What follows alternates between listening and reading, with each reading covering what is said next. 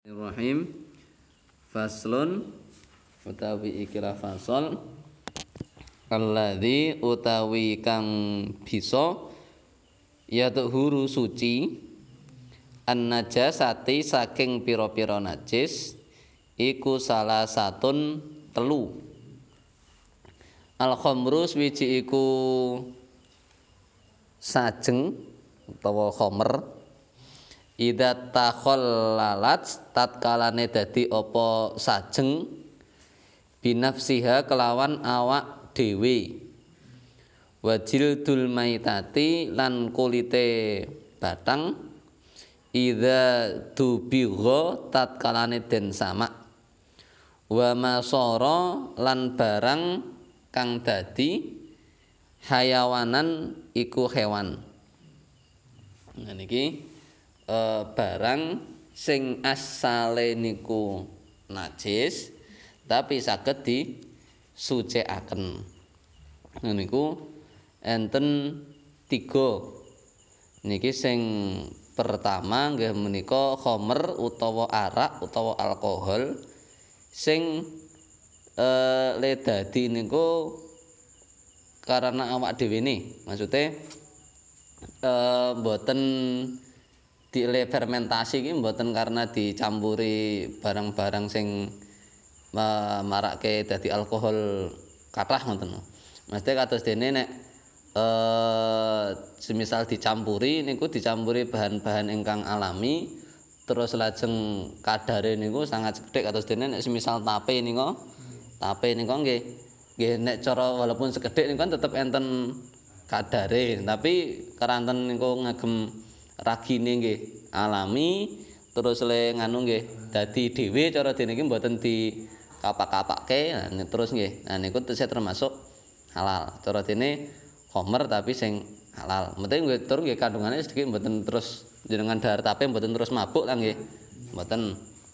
Nah niki sing homer niku nek riyen nek kitab niku le dicontokke kados dene uh, anggur utawa uh, minuman sing memang beralkohol menika le fermentasi ngagem zat-zat kimia utawa ngagem napa ben dadi cara le uh, alkohol niku mboten saking bahan utamane tapi saking anune niku lho bahan-bahan kimiane niku.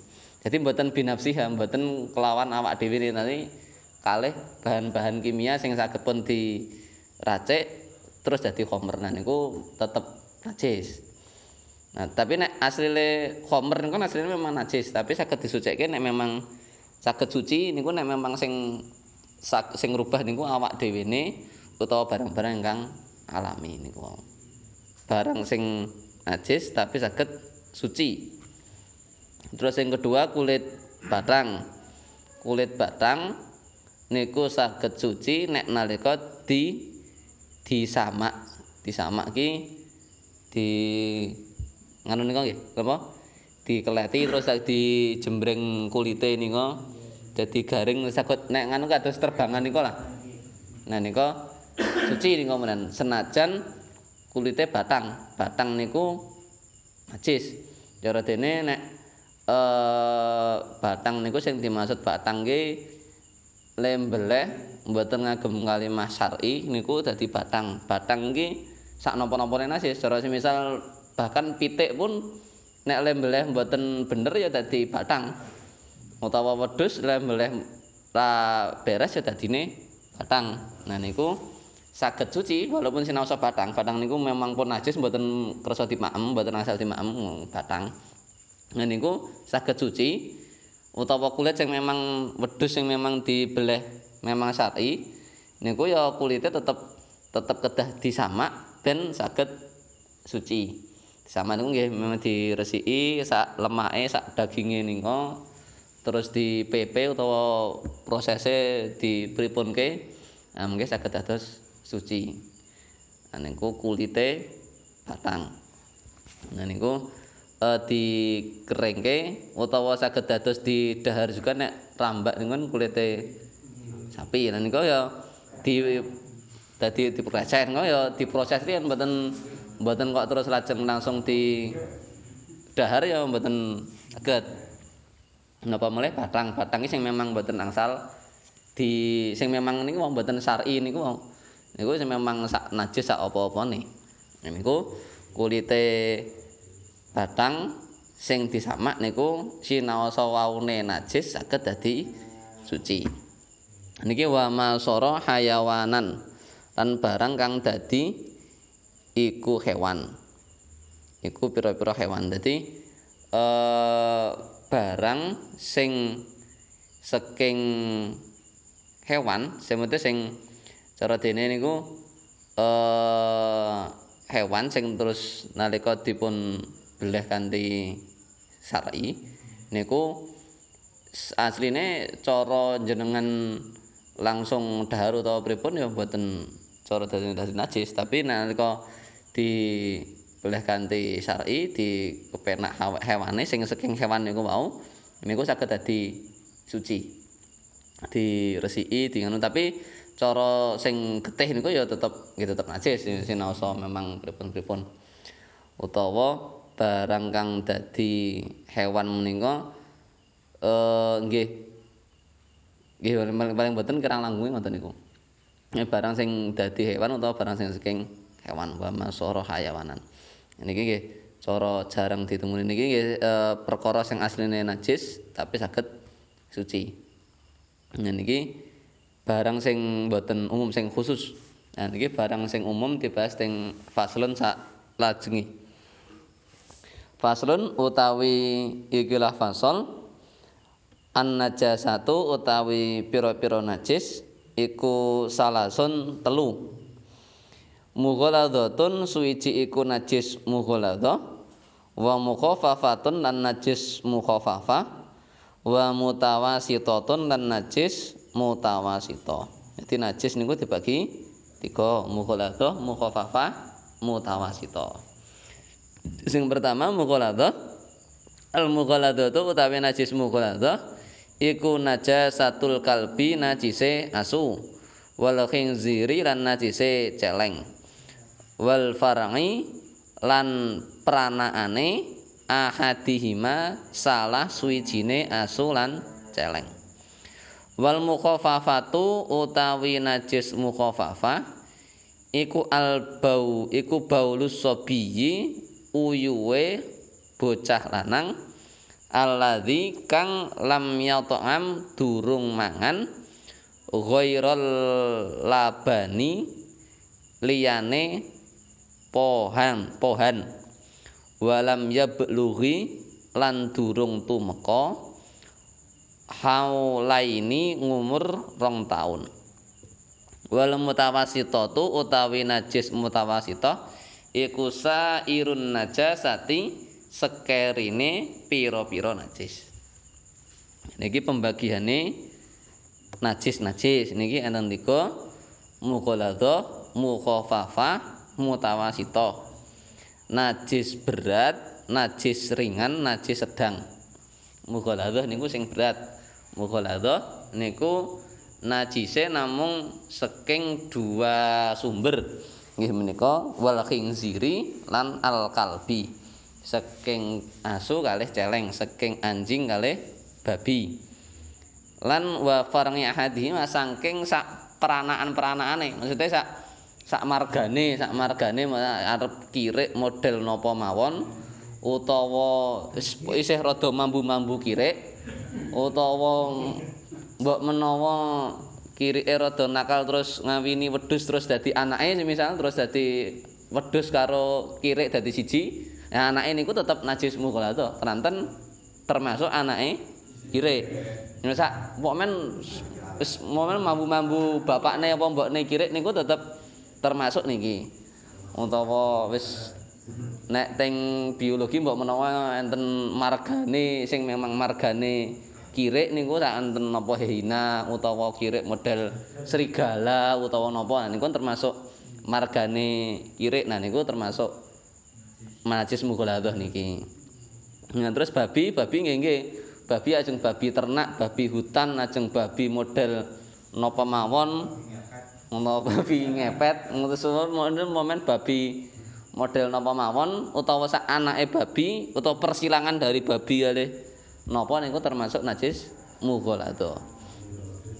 Napa babi ora wedhus terus kemudian dadi anak napa jenenge utawa mbok menawa saiki laboratorium sok aneh-aneh di kawin silang di sontek silang atau pripun. Nah kok dadi tenan nah niku uh, dadi tetep najis mughaladha walaupun wedhuse mboten najis mughaladha tapi keranten persilangan ro babi utawa kalih kirik dadi anake iki sinaosa anake miripe mirip wedhus mesti padha karo wedhus. Tapi keranten memang niku hasile niku saking persilangan ya dadi tetep najis mughaladha sinaosa wedhus niku najis mughaladha utawa sing berat Nah, wal mukhafafatu najis sing ringan niki namung setunggal. Ya menika baulus sabihi alladzi lam yata'am ghairal labani wa lam yablughil haulaini. Anak bocah lanang, bayi lanang sing durung mangan, durung ngombe kecuali laban. Laban niku ASI. Susu ibu. sing dereng dahar sing dereng maem napa mawon sing dereng mimik napa mawon kecuali asi terus lajeng dereng umur rong taun nah niku uyuwe termasuk najis ringan nah tapi saat ini kadang-kadang bayi iki bar usia pitung sasi niku sok pun di lebon-leboni menen nah niku ya pun pun dadi najis sedang mboten dadi najis ringan mbok ana nek isih usia 1 2 3 isih ASI eksklusif sampai 6 bulan. Nah niku tesih keranten ASI eksklusif namun ASI mawon. Nah niku termasuk najis ringan utawa najis mukhafafah. Tapi nek kok pun 2 tahun eh 2 bulan apa 3 bulan pun jenengan jajali gedang semisal. Nah niku pun pun dadi najis sedang niku. Ya senajan ya secara medis ya mboten entek sehat juga secara fikih najisnya pun dadi najis mukhafafa eh mutawasito mboten mukhafafa malah mukhafafa ki najis sing eh dua selama dua tahun niku mboten maem mboten mimik kecuali asi. Nah, tapi nek dimimik asi terus tapi nek luwih saka 3 tahun 4 tahun ya tetep pun mboten mukhafafa meneh ya walaupun senajan wis 5 tahun tapi tetep asi eksklusif ngono misal. Ya tetep tetep mboten tetep kan tetep namung 2 tahun terus lajeng dereng maem napa-napa kecuali asi kok laban susu ibu. Namung lari jaler sing putri tetep tetep langsung dadi mutawasito mboten ringan sih langsung tetep dadi per bayi cengar terus dadi najis sedang sing najis ringan niku namung bayi lanang. So biyi niku bocah lanang. Nenek cara ilmiah pripun mbok menawa enten penelitiane napa? Tapi nek cara fikih nggih niki e, teng kitab pundi iki mawon sing langkung kandel niki nggih tetep bocah lanang. Mboten terus enten pengecualian bocah. Mboten nonton mboten terus lajeng sing ketiga al mutawasitatu utawi najis mutawasita iku sairun najasati sekerine pira-pira najis. Nah, sak liyane najise kirik kalih babi, sak lintune najise bayi lanang niku wau niku jenenge najis mutawasita. Dadi najis namung enten tiga pembagian. Sing pertama nggih berat niku wau kirik kalian babi, sing kedua ringan nggih bocah lanang sing dereng maem napa-napa dereng mimik napa-napa kecuali asi. Terus lajeng mutawasita najis sedang niku sak sak liyane misal telek pite utawa telek wedhus utawa getih utawa nanah utawa telek cecak utawa wis pomen apa mawon sing lintune dua niki wae tiga niki wau termasuk najis sedang atau mutawasito engko pembagian kalih conto-contone najis nah niki sing cara sing paling kathah nggih najis mutawasito najis sedang Najis sedang sing paling kathah mutawasithah niki sing paling sedang. Atus dene napa kemawon niku ya misal uyo utawa telek pun apa kemawon niku ya sedang wong sing cara sing najis ringan ya nek mboten gadah cah cilik ya ya mboten dadi najis ringan, mboten menangi najis ringan. Cara cah cilik tapi wedok ya ya tetep mboten menangi najis ringan. nek sing ora ning cara teng mriki teng Jogja teng Bantul alhamdulillah ya cara babi kalih kirik mboten sing bebas liar teng dalan-dalan ngoten. Ya mboten tek menangi najis mughaladzah ngoten. Dadi sing pendak dina kita menangi ya najis sedang ringan ya nek mboten gadah bayi lanang cah cilik ya mboten. Terus sing nemu mughaladzah nek jenengan mboten tau delok kirik, ora tau ndemok babi ya mboten kena najis. Mughaladzah. niki kirek babi niki mboten mboten terus kemudian dibenci mboten kemudian terus anu mboten niki namung kategori najis mawon. Maksudnya iki mboten tok terus Islam ora seneng karo babi karo kirek ya mboten. Dia memang kategori ini kategori najis mughaladzah tur nggih e, termasuk sing haram juga niki bahkan nek sing babi niku malah sampai ditulis sing Quran Ini makanan-makanan sing haram, nggih menika sing najis, nggih menika iki termasuk salah setunggale babi. Niku mboten berarti sengit, mboten berarti nek enten terus dipateni, mboten berarti nek enten terus dengan tabrak.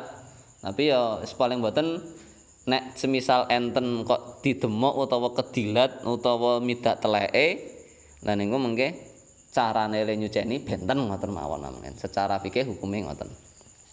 Niku pembagian najise. Sakniki cara mensucikane. Nggih faslun utawi iki la fasol, ini cara mensucikan nek kan namung pengertiane. Al mughalladzatu utawi najis mughalladzah iku huru bisa suci bisa bengi ghusalatin kelawan pitung wasuhan. ba'da izalati ainiha sakwuse ilange ngaine najis mughaladzah ihdahunna utawi salah suwijine pitu iku biturabin kelawan lebu wal mukhaffafatu utawi najis mukhaffafah tadhuru iku tadhuru bisa suci birasil mai kelawan nyirati banyu ngalaiha ing ngatasé najis mukhaffafa mangal ghalabati sartane bangetake wa izalati ngainiha lan sartane ngilangi ngaine najis. Ini nomor satu kali nomor dua ini nomor tiga. Wal mutawasitatu utawi najis mutawasito iku tangkosimu den adum utawa den bagi ngala kisma ini yang atase rong duman. Ngainiatun swiji iku najis bangsa ain wa hukmiyatun lan kapindo najis bangsa hukum. Wa ainiyatun jadi najis sing sedang mau dibagi di dua ngainiyah kali hukmiyah. Ngainiyah ngainiyah ki napa hukmiyah ki napa diterangke wa ainiyatu utawi najis bangsa ngainiyah allati laha iku iku allati najis laha kang keduwe najis apa launun werna wa raihun lan ambu wa ta'mun lan rasa? Fala buddha mongko mesti min izalati launiha saking ngilangaken wernane najis wa rauhiha lan ambune najis wa ta'miha lan rasane najis wal hukmiyatu utawi najis bangsa hukmiyah sing bagian kedua iku alati najis la launa kang ora ana wernane wala riha lan ora ana ambune wala ta'ma lan ora ana rasane. Yakfika mongko nyukupi ing sira apa jazyul mai ngilekake banyu ngalaiha ing atase najis. Niki eh cara-carane ngilangi najis nek maupun contone sampun niki carane ngilangi. Nek najis pertama najis mughaladzah utawa sing berat niku le carane ngilange ya paling berat sing pertama niku langkah pertama jenengan ilangi bentuke ngilangi najise niku mau semisal kecokot ya sampai ana lendire semisal kena teleke ya sampai teleke ra ana ambune nek semisal kena kecipratan utawa kepripun niku ya uh, niki sing saking sing mugaladah niki saking kirik kali saking babi niku wau sedantene mate saking liyure ya teleke ya semisal kena cipratane utawa getiye utawa wis pokoke napane niku termasuk nah niku uh, sing pertama diilangi bentuke semisal telek ya diilangi teleke, semisal kecokot ya diilangi liure, semisal wis punapa wis pomen diilangi bentuk irin. Niku pertama. Sing kedua, dibasuh tujuh kali. Salah satune pitu robin nglawan lebu. Jadi dibasuh tujuh kali. Nek semisal jenengan nganggone pancuran ya dikira-kira leping pitu ki sepira ngoten. mboten sah panjuran set terus di terus set oke ngoten di maju mundur maju mundur mboten sah paling mboten wis dikira-kira ping 7 sing penting luwe luwe suwe ngoten sing penting luwe suwe karo ya jenengan isi iki ping pisan ping pindho ping telu ngoten mate sah ndak di pisan pindho telu maju mundur ngoten iki mboten sah tapi nek diciduk ya ciduk kan terus dadi hitungan nek ciduk tapi nek semisal enten pancuran niku ya mboten sah terus di maju mundur maju mundur mboten sah. Sing penting dikira-kira pun siji, loro, telu, sing mboten sing penting di kali diitungi. Ping pitu salah sijine ngagem lebu. Dadi nek salah sijine iki tetep pitu berarti. Tapi jenengan lajeng ping 9 ya mboten masalah tapi tetep ngono iki sing anu iki ping pitu, mboten ping 8 ngoten mboten pitu tambah siji nganggo lebu dadi 8 ngoten mboten. Dadi pitu niku pun salah sijine debu. Nah niku carane memas nganggo lebune niku enten dua cara. Nek cara manut kitab niku saged lebune niku mau langsung diparengke teng kulite terus digosok-gosokke nembe dicuri banyu. Niku saged. Utawa lemahe niku mau jenengan piyukke teng ember utawa teng anu ciduk jenengan piyuk-piyuk terus nembe dibasoke niku ya saged terserah ajeng ngagem cara sing mundi sedanten angsal iki ngagem lemah lemahe terus digosok-gosok ngeten terus lajeng utawa nek nggo ndak kolahe butek ya nganggo ciduk niku terus di kopi-kopi jeneng nganggo kolah ya sak kolah reget kotor kabeh mungkin jenengan nganggo sak kolah kek lemahe kudu sepira niku mungkin nek sak kolah niku nggih mbah nek teng praga ya segarek kalau ngegem wedine gareken. Nah niku ngagem lemah sing suci. Nah cara ya cara sing suci mboten ya mengko kena banyu kan otomatis pun saged suci dhewe mboten kados tayamum kala wingi ndak goleki sing suci tenan. Nek cara mengke kan kan lebune niku mengke kena banyu kan pun suci. Cara dene semisal sing di parengke gosok-gosok teng niki terus mengke di anu sing penting mboten kena telek ngoten mboten nenten teleke. Kena teleke malah dadi mindun gaweni jenengan mengko. arep ngresiki malah nambahi telek ya ora sida menengen. Dadi paling mboten nggih. Sing penting nek niki cukup lemah terus lajeng nggih di antara ajeng digosok-gosok utawa dicampur teng banyu. Nah niku terus lajeng di biuri mulai. Dadi eh biasane pun sing anggem lebu nika teng tengah kan ping 7 Biasane pun teng tengah. Jadi semisal di pun di basurien, semisal pun ilang nanti saya pun mboten enten bentuke, pun mboten bentuke. nganti etong wis ping telu nah bar do ping telu terus jenengan paringi sing enten lemah niku mau dikosok-kosok nembe di ping telu meneh kan dadine mau telu terus siji terus telu penting tengah-tengah tapi ajeng sing ngagem tanah niku ajeng ping pertama kali utawa teng anu bebas sing penting hati-hima salah sijine iku ngagem pasir atau ngagem uh, lemah gem lebu Kemko teng praga ya garek digosok-gosokke utawa teng uh, masjid ya garek golek lemah teng pundi ngoten wis pun. Teng sawah ya golek lemah teng sak kenane ngoten cara lemah iki lemah ngalih banyu iki nggih bumi iki komposisine lemah ngalih banyu. Dadi nggih teng pundi-pundi saged kepanggih.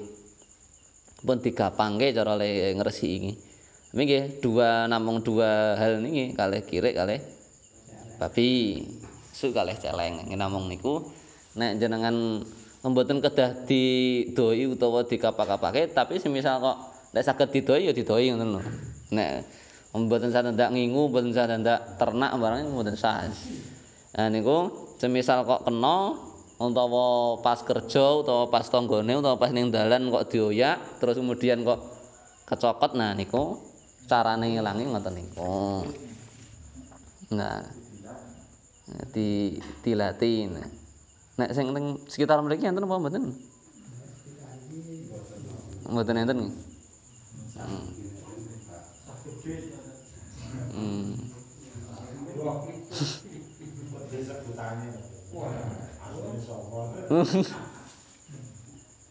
Nggih nek cara mboten enten ya malah luweh penak cara dene. Wah, kucing.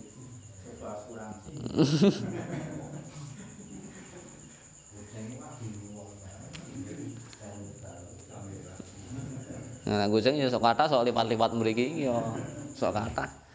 Sok dadi tamu tak diundang barang kadang-kadang. Nah, niku eh kirik niku nggih mbok menawa terus dadi nganu cara dene iki dadi cara ciri-cirine wong boten Islam. Tapi cara riyen Islam pun saged berburu ngagem anjing pun riyen nggih. Nate yang penting enten saate ngoten lho. Uh, Pak polisi barang niku nggih ngagem anjing mesti iki mboten berarti terus anjing ki mboten enten gunane ngoten ya ya mboten cara dene iki memang uh, enten banyak gunane. Nah, karena banyak gunane niku terus lajeng nek di Islam niku memang agak mempersulit anu kirik. Nah, terus lajeng dadi ingon-ingonane wong sing cara mboten Islam kan cara wong Kristen kan utawa wong lintune Islam kan mboten enten peraturan sing menyulitkan. Dadi memang piharaan sing menguntungkan wis ra ono kesulitan ya wis mun dadi cara malah dadi kaya ciri-cirine ngoten. Nggo jaga omah apa dadi keamanan ngoten. Ngoten apa nggo ngambu bom utawa nggo napa niku biasane ya ngagem kirik niku nggih. Nah, ya jenengan nek mboten butuh kaya mboten sah ndak ngingu barang ndak malah kok tekan endi-endi malah ngepel ping 7 sing ngono. malah si ternak seperti sah mun sa nyoba-nyoba niki namung nggih antisipasi mbok menawa nek kena wonten mawon. Niku najis mughaladhah utawa sing berat. Nah niki terus lajeng uh, sing kedua wal mukhaffafatu utawi najis mukhaffafah niki sing ringan sing najis bayi lanang di bawah 2 tahun sing dereng dahar napa-napa sing dereng maam dereng minum kecuali ASI sing ASI eksklusif 2 tahun tapi ASI eksklusif nih. Kalau saat ini ya 6 bulan biasanya sing ASI eksklusif nih. Niku carane ngresiki niku pertama izalati ngainiha niku diresiki tetep standar tetep diresiki ngaine. Maksudnya semisal uyuwe iki ya diresiki riyin dibilas utawa dipripun nah mengke le nyuceni niku cukup di ciprati nah niki e, birasil mai mangal mangal bati niku diciprati. Tapi diciprati ora mengko prit prit prit ngoten mboten tapi ya ya rada kathah ngoten lah. Maksudnya iki e, diciprati niku benten mengke kalih sing najis mutawasithah nek najis mutawasithah niku kedah digebyur nek sing najis mukhafafah niku cukup diciprati mawon. Maksudnya dalam artian uh, airnya mboten sing terlalu kathah. Tapi nek cara ngumbah ngano ya ngumbah klambi ya padha wae wis dikumbah dikumbah ngoten. Tapi mbok menawa nek teng lantai utawa teng pundi ngoten te uh, langkung gampang niku nek sing mukhafafah dadi mboten sing dak digebyur kabeh utawa pripun ngoten. Cukup sing penting uh, najise niku di ilangi ta terus lajeng diciprati banyu. Iki birosil mai kelawan nyiprati banyu mengal golbati sartane bangete bangetake temen diurati ram kurut prit-prit ngono tok. Nah terus wae zarate ngaini diilangi. Ngaini bentuke niku diilangi. Nah nek teng kitab sanes niku malah langsung cukup diciprati nggih angsal. Tapi paling mboten ya nek mambu pesing ngoten niku ya tetep di diilangi maksudnya diilangi bentuke sangantek memang mboten mambu pesing nah nek memang pun mambune ilang, warnane wis pun ilang, nah niku terus nembe diciprati asal. Tapi ajeng nek dikumbah kados biasane, biasane ngoten ya ya biasa mawon ya mboten napa-napa. Malah langkung sae. Niku najis ringan. Nah, niki namung teng bocah bayi lanang asih eksklusif niku kau. Nah, terus lajeng sing najis ketiga, najis mutawasito, niki najis kebanyakan, najis sing biasane kita jumpai niku dibagi dua. Enten najis ngainiyah enten najis hukmiyah. Najis ngainiyah ngain niku benda jadi najis sing ketok. Najis sing memang enten enten ambune enten rasane enten warnane cara misal telek cecak ya memang nyoto-nyoto enten enten telek cecake ngono semisal bayi ngompol ki toko-toko memang kasure teles memang enten ompole ngoten lho. Jadi memang cetok enten. Wes ambune iki ya memang mambu, terus kemudian ya ana warnane, ya ana rasane utawa salah sijine memang enten uyuhe tapi uyuhe mboten mambu sih misal mboten pesing tapi isih enten bentuke niku ya niku tesih termasuk ngaini ya. Berarti syarat tiga niki mboten kedah tercukupi semuanya tapi cukup salah satu pun pun termasuk enten najise. Ini najis wainiyah niku najis sing enten bentuke. Nggih ambune, rasane kalih warnane. Sing nomor kalih niku najis hukmiyah. Najis hukmiyah niku najis sing mboten enten bentuke tapi hukume tetep najis. Namanya najis hukmiyah. Cara dene semisal teng kloso utawa teng kasur, teng karpet ana anake jenengan, putrane jenengan nguyuh bayi kan sing nguyuh. Lah niku terus awale niku terus nggih jenenge ngompol terus isih teles. Nah, mungkin terus suwe-suwe jenengan nengke wae apa jenengan PP, mung jenengan PP tok, mboten jenengan apa-apake. Wis menguap wis garing, jenengan ambu wis ora ana ambune. Lah niku tetep najis tapi najisnya hukmiyah.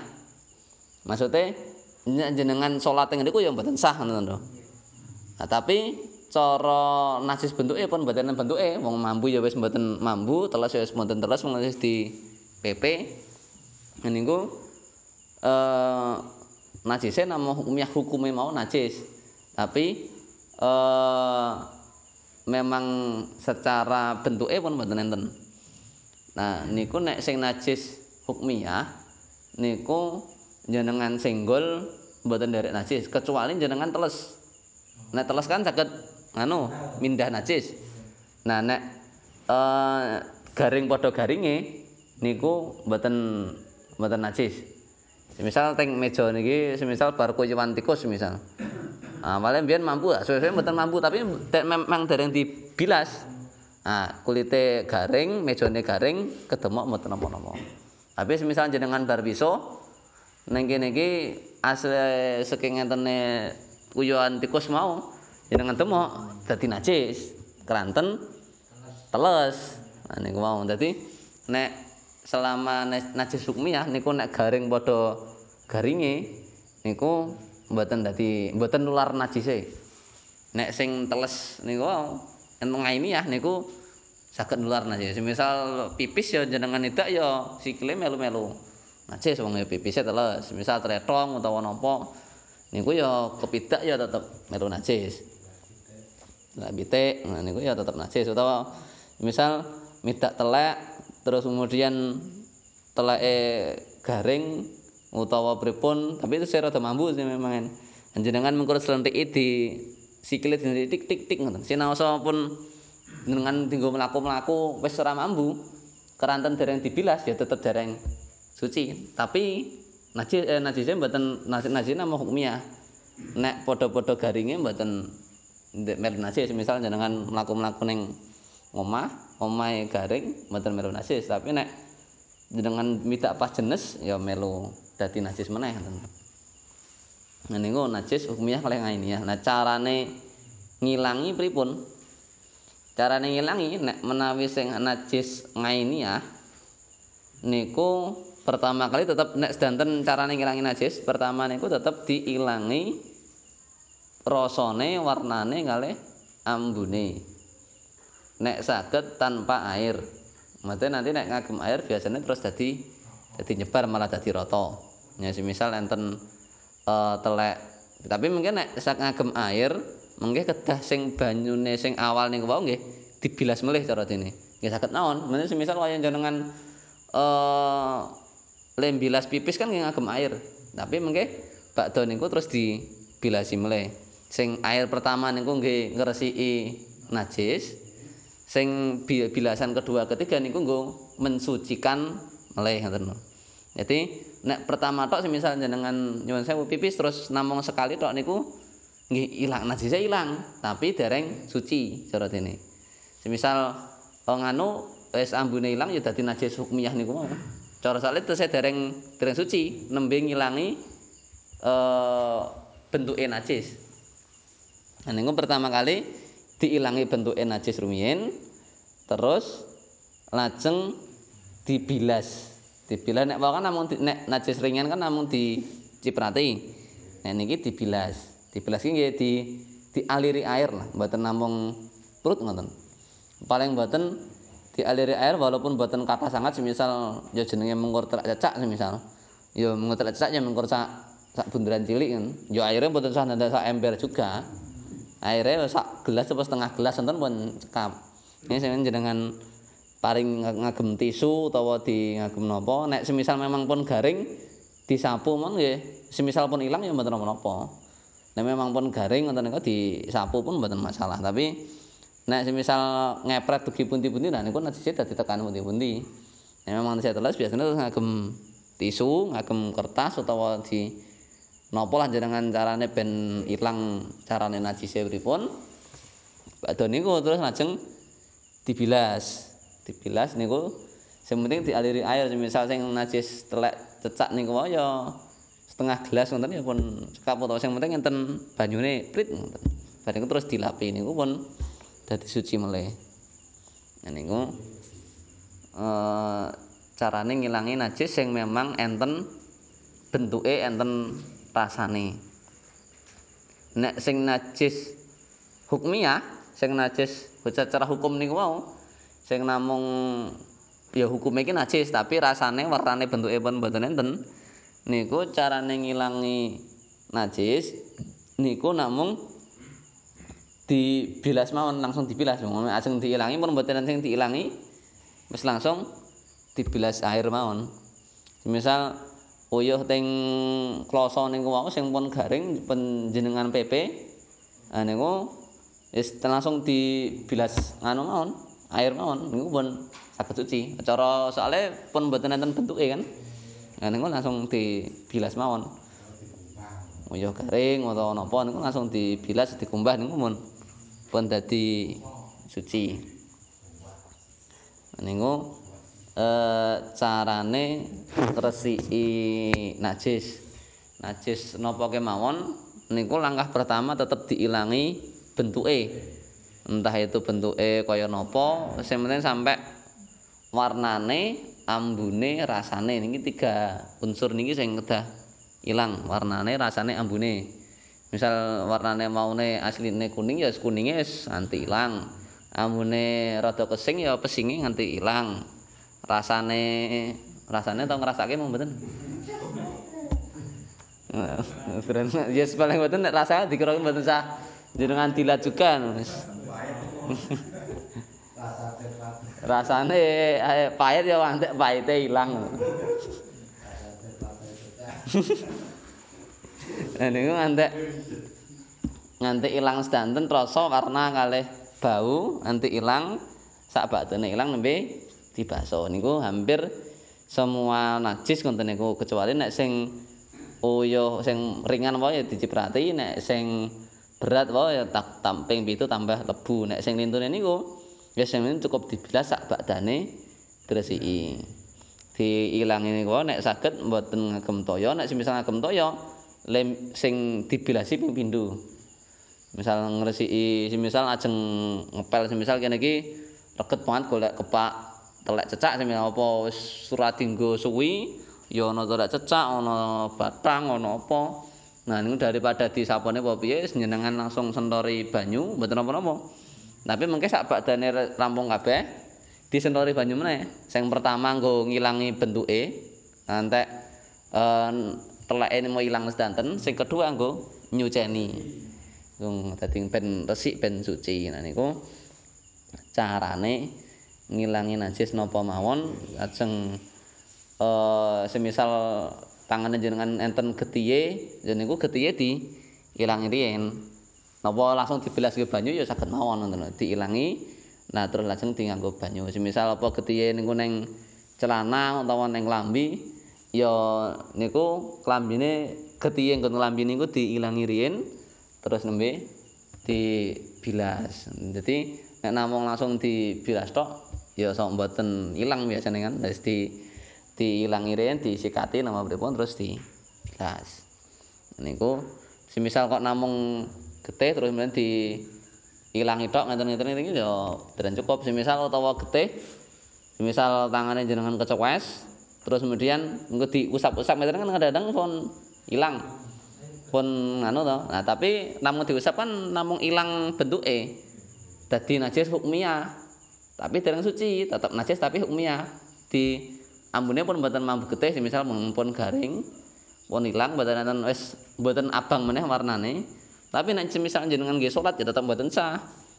Nek semisal bar wudu terus kemudian kena gagang pintu apa kena motor jadi kok dadi ana getihe. Nah niku ya diilangi riyen getihe. Semisal wah tak apa tak sithik mesti ngene-ngene iki. Nah tetep ana getihe kan. Nah niku tetep di basuh riyin.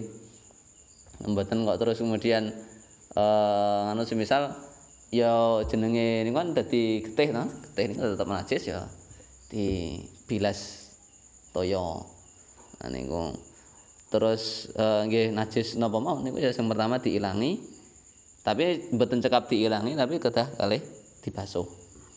Nah niku eh, paling boten sekedhik carane ngilangi najis. Nah pembagiane najis kalih ngilangi najis niki ya eh, lumayan penting soalnya eh, semisal dadi najis bisa jadi sak omah dadi najis kabeh. Makane nek semisal nggih ngerti-ngerti mawon semisal nek semisal uh, salat jenengan ajeng salat ing griya langkung saene saking wudunan tekan sajadah niku ngagem sandal saene. Penting nggih, soalnya kadang-kadang mbok menawa jenengan rasa sadar midak telek, terus kemudian teleke memang wis garing, dereng jenengan cuci kaki, terus midak-midak, terus kan garing to dereng najis tesian. Nah, toko-toko nang dapur ana jenis-jenis cetet. Nah, terus dadi banyune najis kan. Nah, dadi banyune najis iku kepidak-pidak wong akeh dadi sak omah dadi rata kabeh.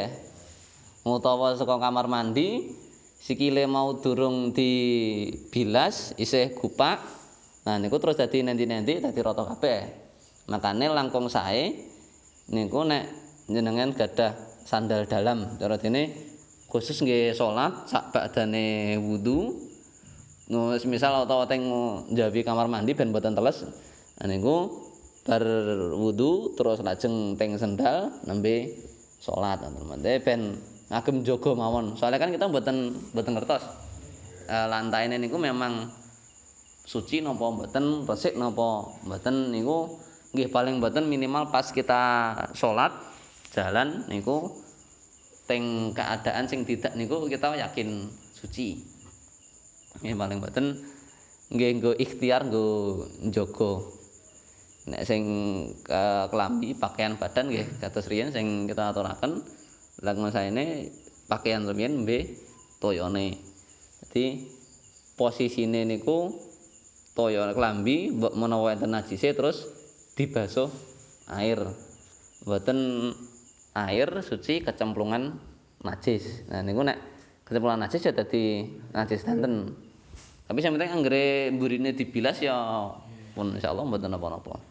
Namun sing awalan niku ndak malah dadi najis kabeh, misal najis kabeh terus kemudian nyiprat klambine sing dinggo niku dadi najis juga. Nah niku nggih namung nggih ngati-ati mawon. Soale kadang-kadang najis ki mboten ketinggal, mboten dirasake, tapi ya terus teko-teko najis ngoten Najis ya mboten enten tandane. Kadang-kadang ya banyu resik ya saged dadi najis juga. Niku eh cara nyuceni, cara ngilangi najis sing ketok. Nek semisal e, cara dene nggih enten melih najis niku teng toya niku nek riyen kados dibahas sing toya kurang rongkolah luwih saka rongkolah niku wau nek sing luwih saka rongkolah ya nek mboten berubah mboten najis nek sing banyu kidik kurang saking rongkolah nek kena najis walaupun sithik ya tetep najis niku nek pengen ngresik pengen nyuceni banyu sing cilik najis niku wau. Saged banyune niku diguwang terus eh najise ditokke utawa enten cara melih niku banyune niku diluberi sampai luber terus najise nek saged dipendet dipendet. Niku saged ngilangi najis. Terus jadi daripada semisal sak ember diguwang kabeh niku embere diluberi terus lajeng nek memang najise niku saged dipendet dipendet nek mboten diluberi niku pun saged nyucine menawi. Niku eh cara-carane ngilangi najis. Mbok menawi enten sing badhe di pangletaken babakan najis. Nggih.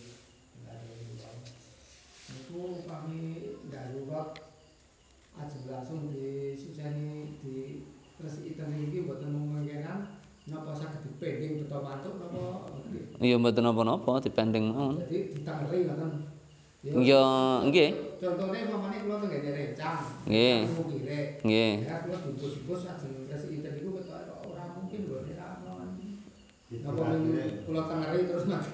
Nggih ditengeri mawon mboten napa-napa. Sing sing penting semisal nek saged mboten meluber teng liyane. Semisal jenengan nang tangan ngenten iki teles no. Wes kesampluk. Wah dadi klambine barang. Sampluk kancane dadi kancane barang. Sing penting nek saged ya di Cukup. Kaya rencang ini kok mesti ngebus-bus sikil napa sikil sing anu padane. Oh. Nggih. Sok-sok nemani ya. Nggih nek sang niki mboten napa-napa, mong nek tinggi salat niku sing mboten angsal. Nek nek semisal lama perjalanan mboten ajeng salat ya di nyuceni teng griya mboten napa-napa. Sing penting dititeni nek semisal nyampluk, nyampluk sarung semisal utawa nyampluk kancane dikandani eh iki mau katokku nganu lho. Ah di ngundak kancane barang dadi korban ora ngerti. Ya nek nek kirik niku sok-sok sok-sok niku kerep sok anu menang. Soale sok enten sing ngingu. Niku ya jan boten. Nah, teng teng mriki sok mboten tak diingu. Nek Nek batin. sing kusuk niku ki malah merak ya. Yo merak. Nek sing nek sing boten anu rada gerak malah mesti rada ngedok. Hmm. Memang pun bersahabat kok niku ya. Kalau sing duwe akrab niku ya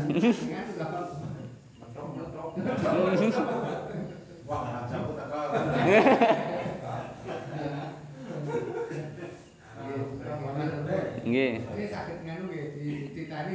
Nggih sebenarnya dititeni semisal sing didilat jempole ya jempole dititeni ngoten mawon. Sing kon dibuntel.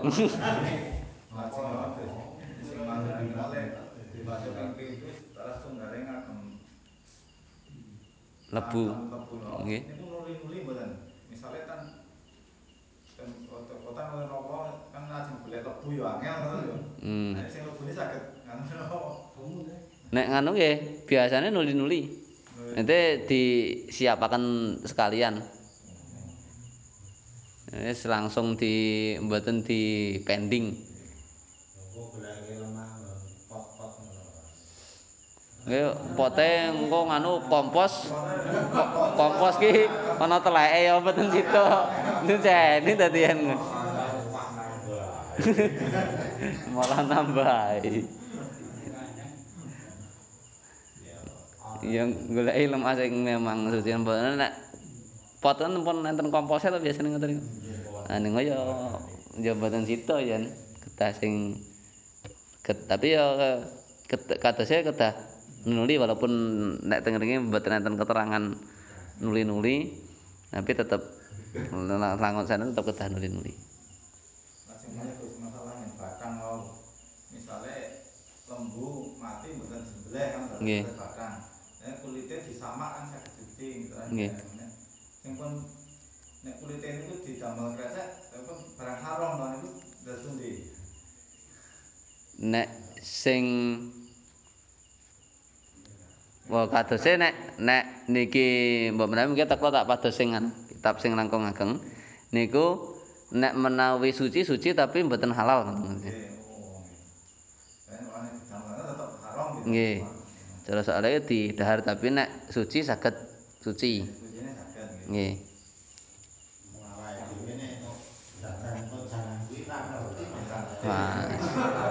Mosok ya ajeng ditang leti.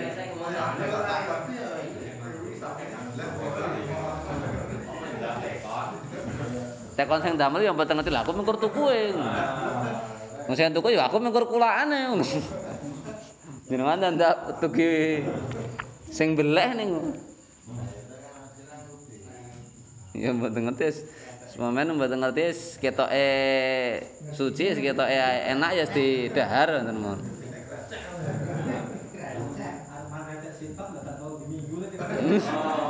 Lah ngoten mboten sios dahar jenengan. Hmm. Nah, ndapa keraca lah semisal dahar ayam ngono wae iki ayame lembeleh nek akeh semene tenanan apa ora iki? Sering-sering iki mau dodol bakmi nek jarane. Oh. Iki tikus apa? Hmm. Oh, iki ngoten. Em tiren. Lah iki ngoten niku nek ajeng dituruti ya mboten sios dahar. Terus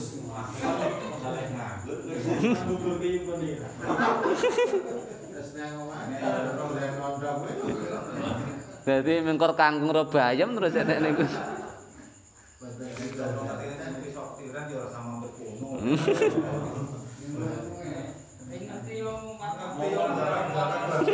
Oh, tapi nek pun ngerti ya pun benten. Terus awake dhewe ora ngerti sing goreng iki ning ndi ra ngerti. Biasane sama sih. Wong bedhik.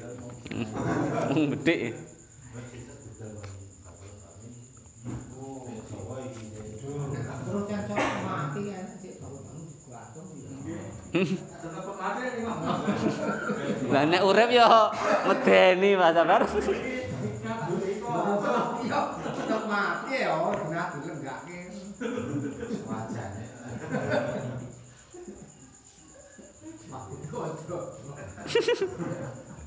Ya ngoten niku nek pun ketok halal ketok meyakinkan ya dianggap halal wis ngoten mawon. Mboten sah kedah pripun-pripun.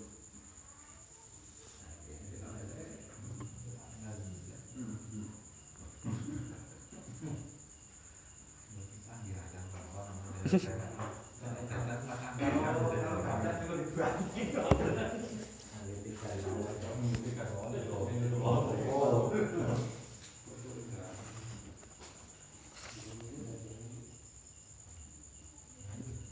mulai. Bahkan najis kalih. Nggih.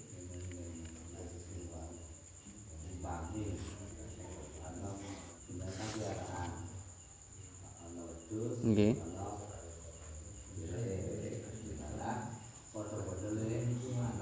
Hmm.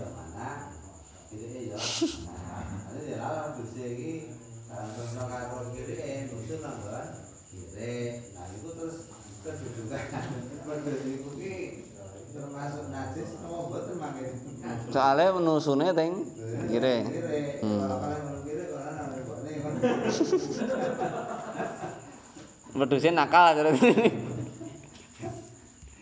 niku sing nderek najis sing mukhaladzah niku peranakane. Nek cara nderek nyusune insyaallah mboten.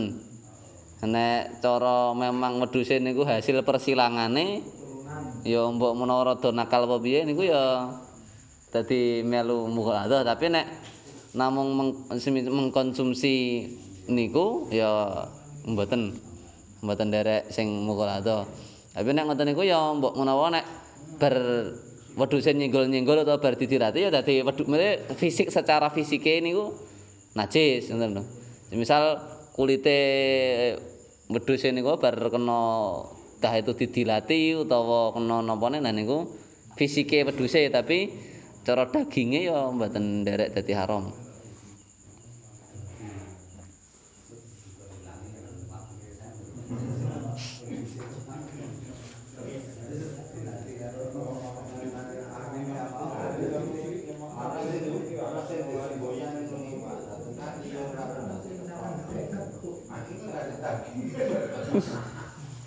Ono ya ono. Yo arep-arep ora ya sing alam liu. Daginge mboten Semboyangmu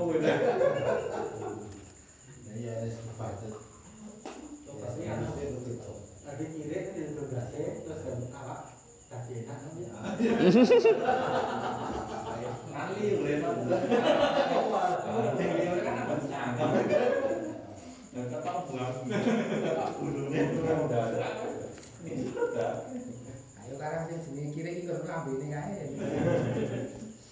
liyane mboten ngirik berarti. Iya.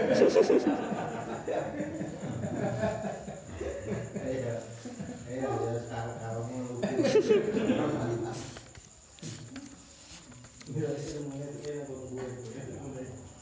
ya kabeh. Nah niku terus nganu asile niki wau keterangan sing masara hayawanan sing barang sing najis dadi suci barang kang wis dadi kewan niku nek mboten salah teng keterangane niku kan semisal barang najis tapi semisal wis dipangan kewan niku ya terus dadi najis. Semisal semisal kaya nyangan ngingu lele tapi lelene niku mangani eh, mangani padhek mati manten mangani napa kan najis loh nah keranten pun dadi kewan eh, lelene dadi haram dadi halal ngoten lho mboten terus kemudian mangan eh, batang niku terus dadi najis niku ya ya mboten. Dadi keran semisal pitik ya pitik ya mangani telek mangani napa mangani napa nah niku terus ya yes, pangeran jenengan nek arep mangan telek langsung ya ora kolu. Di teleke dipangan pitik pitike jenengan dahar dadi. Dadi sing asline mau eh, panganane pitik panganane lele panganane napa niku sing najis cara dene. Nek keranten pun dadi kewan mate pun dadi daging. Nah niku terus tetep dadi halal. Di kang dadi hewan. Nah dipang Dipangan kewan.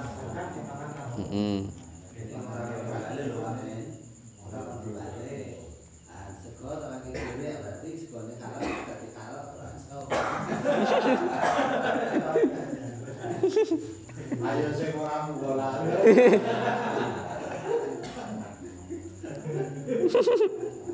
arep kalal iki daging ngirik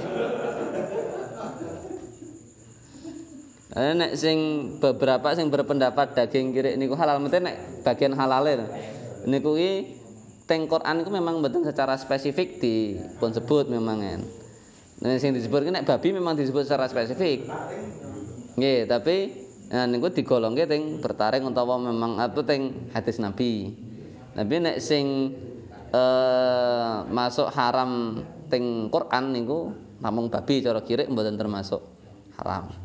Tapi nek bertaring iki kok kucing ya nanti pangan ya tetap haram juga mung bertaring sing karnivora niku terus jadi haram.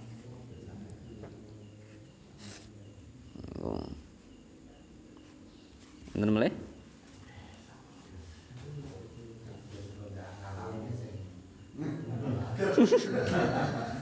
Enggak, malah tadi selencong. Mbak menawi cekap semanten ngagem ngaos wonten dalu menika. Monggo eh, ngaos minjing niku kita bahas babakan haid segede membahas babakan haid terus pun masuk babakan salat Nah, ini pun rada inti pun masuk babakan salat ini. Ini mun meeting bahas senten babakan haid terus mengke pun masuk salat ini salat sing syarate salat. Ya salat iki soalnya enten kathah faslune. Menawi cekap sementen kagem dalu menika monggo kita tutup kanthi waosan hamdalah. Alhamdulillahirabbil alamin. Cekap sementen Assalamualaikum warahmatullahi wabarakatuh.